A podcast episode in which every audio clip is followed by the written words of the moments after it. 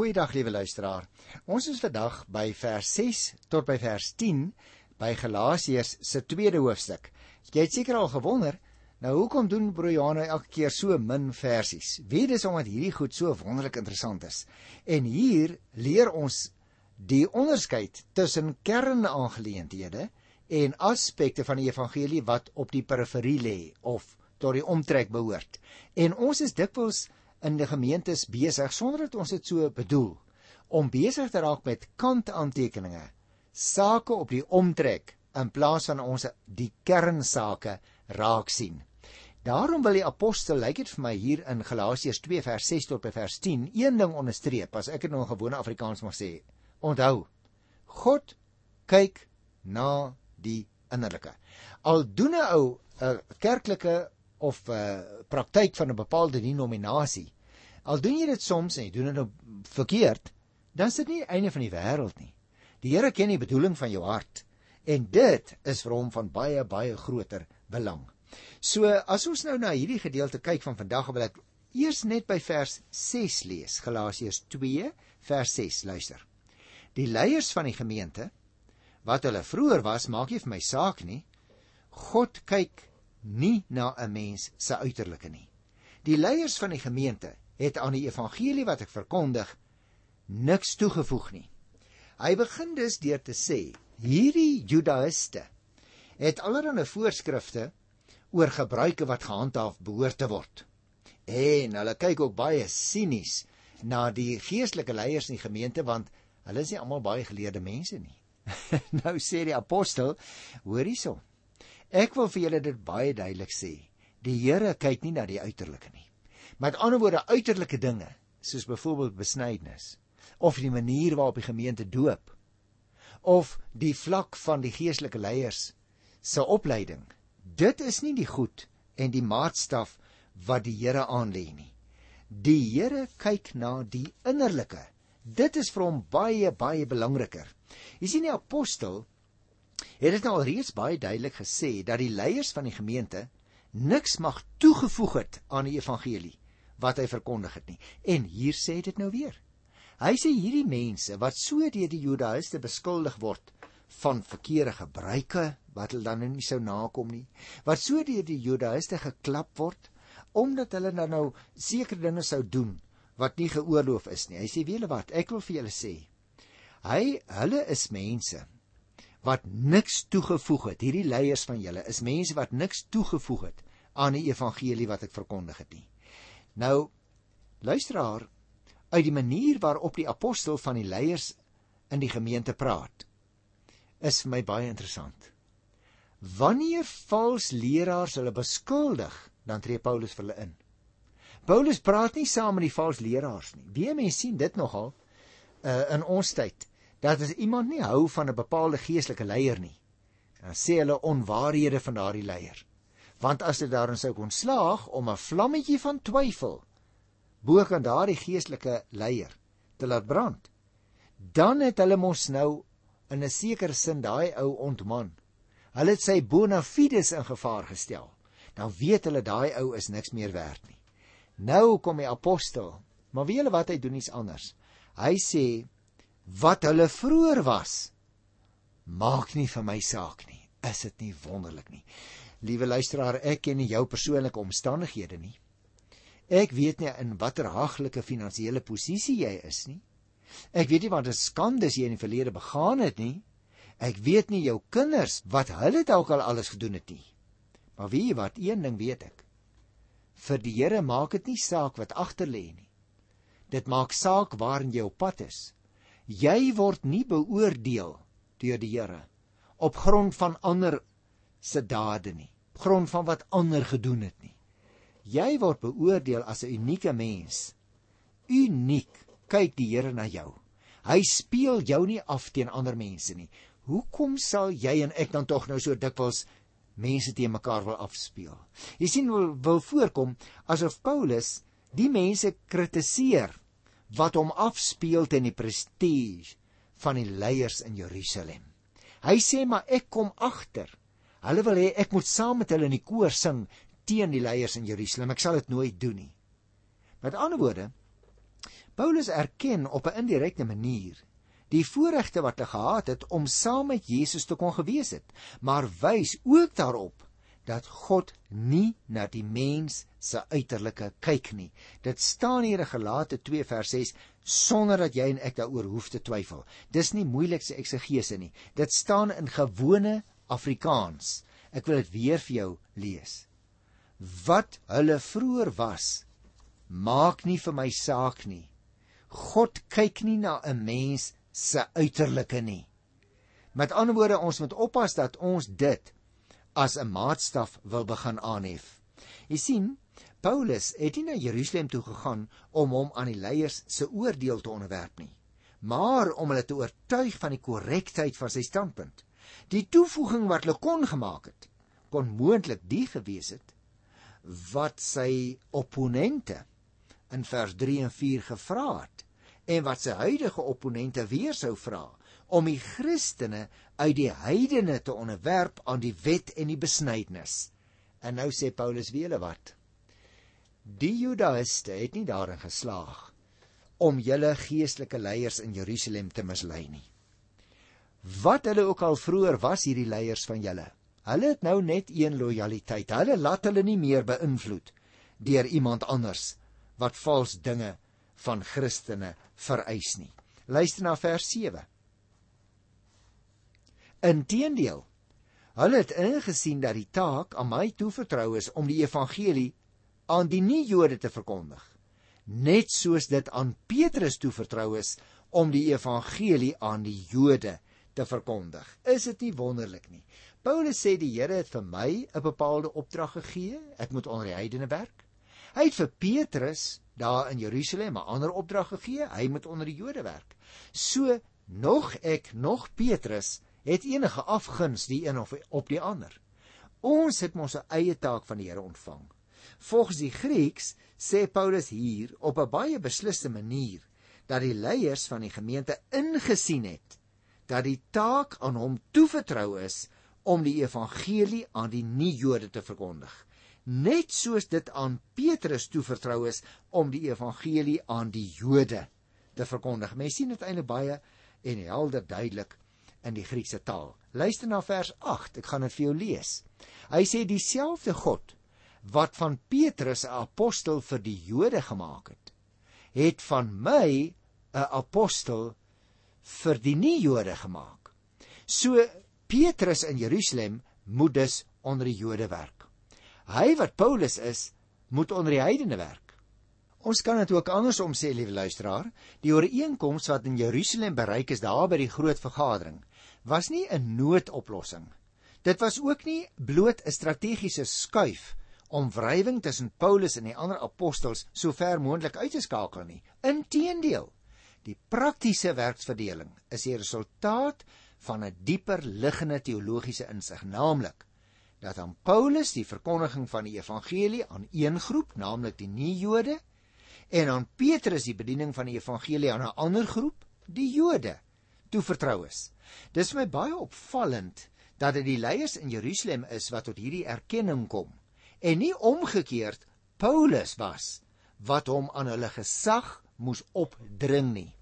En ek dink dis 'n baie belangrike aspek wat hier na vore kom luisteraars, want wie julle In gemeentes gebeur dit baie kere dat twee pastore of twee leraars teen mekaar vasloop. En die oorsaak daarvoor is soms dat 'n gemeente van hulle albei dieselfde take verwag. Hoor hier, hulle het nie dieselfde opdrag van die Here ontvang noodwendig nie. Hulle het ook nie dieselfde gawes van die Here ontvang nie. Daarom moet 'n gemeente ook 'n baie baie goeie oog hê vir die gawes van die geestelikes wat hulle bedien. Nie al twee, sê nou maar dis twee. Nie al twee is noodwendig goeie predikers nie. Dan beteken dit nie as die een meer preek en die ander doen meer besoeke dat die een 'n belangriker werk het as die ander nie, hoegenaamd nie. Maar ons dink almal moet dieselfde werk doen en dit werk nie so nie. Baie interessant, ek wil nog net hierdie opmerking maak. Die term hier in vers 7 en 8 evangelie aan die Jode of aan die nie-Jode dui in die Griekse taal op die spesifieke adres waaraan die verkondiging gerig is.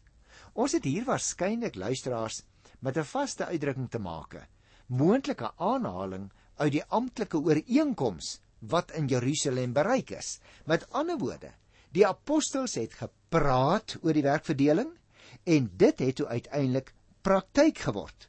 Hulle staan dus nie teenoor mekaar nie, maar hulle doen elkeen 'n taak op sy eie terrein. Hoekom? Tot voordeel van die voortgang van die evangelie vir almal. As almal dieselfde werk sou doen, dan sou die ontvangers van die evangelie nie dieselfde bate daaruit kon vind nie. Nou kom ons kyk nou hier by die 9de versie. Toe hulle ek lees nou, toe hulle dan ingesien het dat God my hierdie voorreg gegee het, het Jakobus, Sefas en Johannes wat beskou is as die pilare van die gemeente, my en Barnabas die regterhand gegee as teken dat ons en hulle medewerkers is. Ons het ooreengekom dat hulle die evangelie aan die Jode sou verkondig en ons aan die heidene. Nou jy sien, dit is duidelik in vers 7 8 alleel 'n hele stryd uh tussen hierdie saak, want daar was die Judaïste, daar was die gemeentelede, daar was die apostels. Maar nadat die pligte nou netjies uitgeklaar is, nou tref ons in vers 9 'n baie groot rustigheid onder die apostels en die gemeente aan. Met ander woorde, daar is nou die een kant op hierdie stadium. Die apostels saam met die gemeente. Paulus sê duidelik, julle moet waardering hê vir julle geestelike leiers en aan ons en julle wat aan, aan dieselfde kant staan teenoor ons is dan nou die Judaïste. Moenie julle uitmekaar laat jaag deur mense wat dit nie eerlik bedoel met die werk van die Here nie. Hulle is skeurmakers. Hulle is brekers. Hulle is nie bouers nie. As 'n mens dus kyk na wat 'n mens hier aantref in vers 9 luisteraars dan sou ek wou sê die leiers in Jerusalem het soos uh, Paulus in hier skrywe ingesien dat God aan Paulus 'n bepaalde voorreg of stuk genade gegee het. Dit beteken dat die apostels in Jerusalem Paulus se boodskap verstaan en dit ook goedgekeur het. Die leiers in Jerusalem se name word nou vir die eerste keer spesifiek genoem. Het jy opgelet? Jakobus en Sefas en Johannes en daar word dan nogal toegevoeg wat beskou is as die pilare van die gemeente. Omdat hierdie besluit so belangrik was, word die leiers se name ook genoem. Jakobus word eerste genoem, wat waarskynlik 'n aanleiding is dat hy 'n leiersposisie in Jerusalem bekleed het.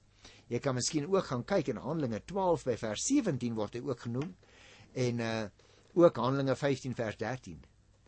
Paulus noem hulle hierdie drie manne Jakobus, Sefas en Johannes noem hulle die pilare in die gemeente.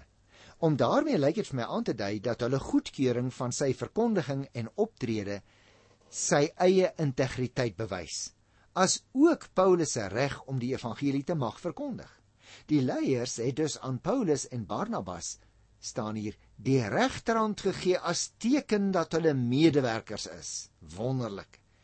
Die gee van die regterhand aan mekaar dui natuurlik 'n baie ernstige ooreenkoms aan.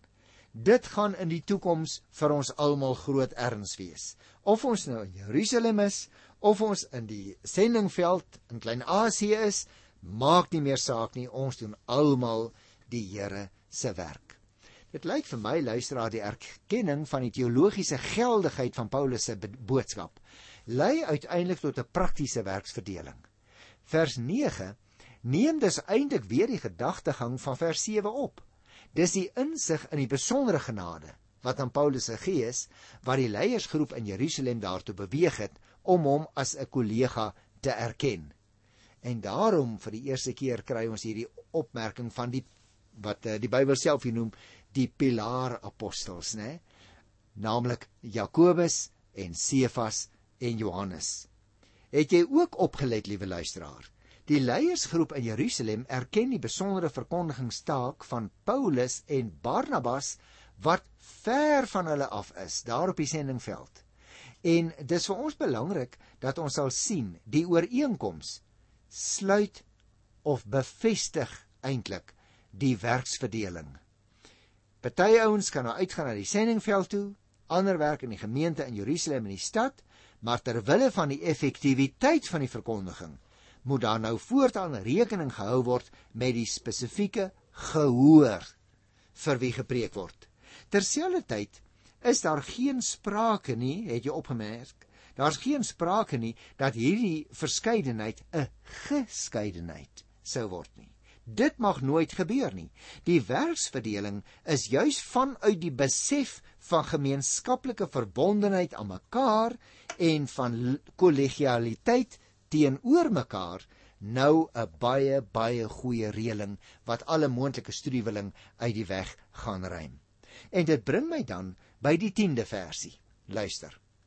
Al wat hulle gevra het is dat ons nie die armes onder hulle moet vergeet nie. Ek het my dan ook steeds vir hierdie liefdesdiens beywer. Wonderlik dat die apostel dit hier baie pertinent neerskrywe. Hy sê die gelowiges in Judea het swaar gekry as gevolg van hongersnood. Ons weet dit ook uit uh, Handelinge 11 van vers 28 af, nê. Paulus het groot moeite gedoen, sal jy nog onthou, toe ons die boek Handelinge behandel het, om bydraes vir 'n hulpfonds te kry. Uh, ek het daarna verwys toe ons Handelinge 24 vers 17 bespreek het en ook Romeine 15 van die 25ste vers af, selfs 1 Korinte 16 uh, van die begin af het daarna verwys.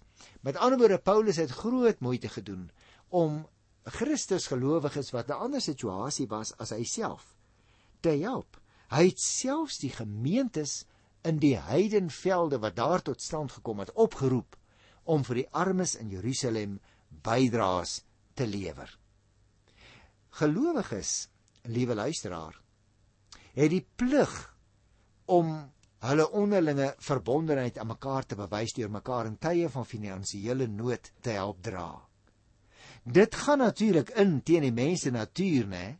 Om iemand wat nie jou bloedfamilie is nie geldelik te help of ook met tyd te help of ook met gawes te help of ook met goed te help. Ons wil dit nie graag doen nie want hulle is van my groep nie. Maar weet jy wat, liewe luisteraar?